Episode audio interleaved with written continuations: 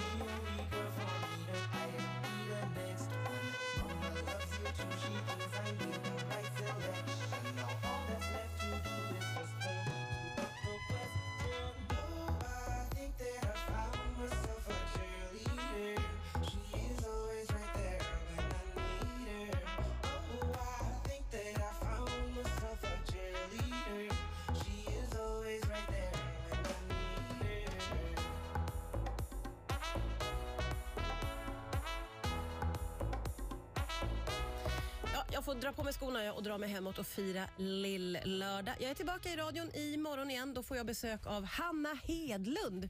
Nu ska Ola Lustig strax få ta över, men först ska du få nyheter ifrån Aftonbladet. Här är Robin Kalmegård. Sverige ska inte lägga sig i Kinas inre angelägenheter, det skriver den kinesiska ambassaden i ett uttalande efter att ambassadören blev uppkallad till utrikesdepartementet igår, det rapporterar Ekot. Kina har infört sanktioner mot personer inom EU efter att ha blivit kritiserade för sin behandling av uigurer. Och en av dem som hamnat på Kinas sanktionslista är den svenska forskaren Björn Gerdén. Den tidigare justitiekanslern Göran Lamberts stämmer nu staten efter att ha suttit häktad misstänkt för våldtäkt. Han kräver en miljon kronor för det lidande han menar att frihetsberövandet har inneburit samt den publicitetsskada han säger sig ha drabbats av. Lamberts släpptes igår efter nästan två veckor i häkte efter att misstankarna mot honom avskrivits. Under häktningen meddelade han via sin advokat att han ville bli namngiven i media. Och krisstödet till de företag som drabbas av coronapandemin ska förlängas fram till sommaren. Det här har regeringen, Centerpartiet och Liberalerna kommit överens om.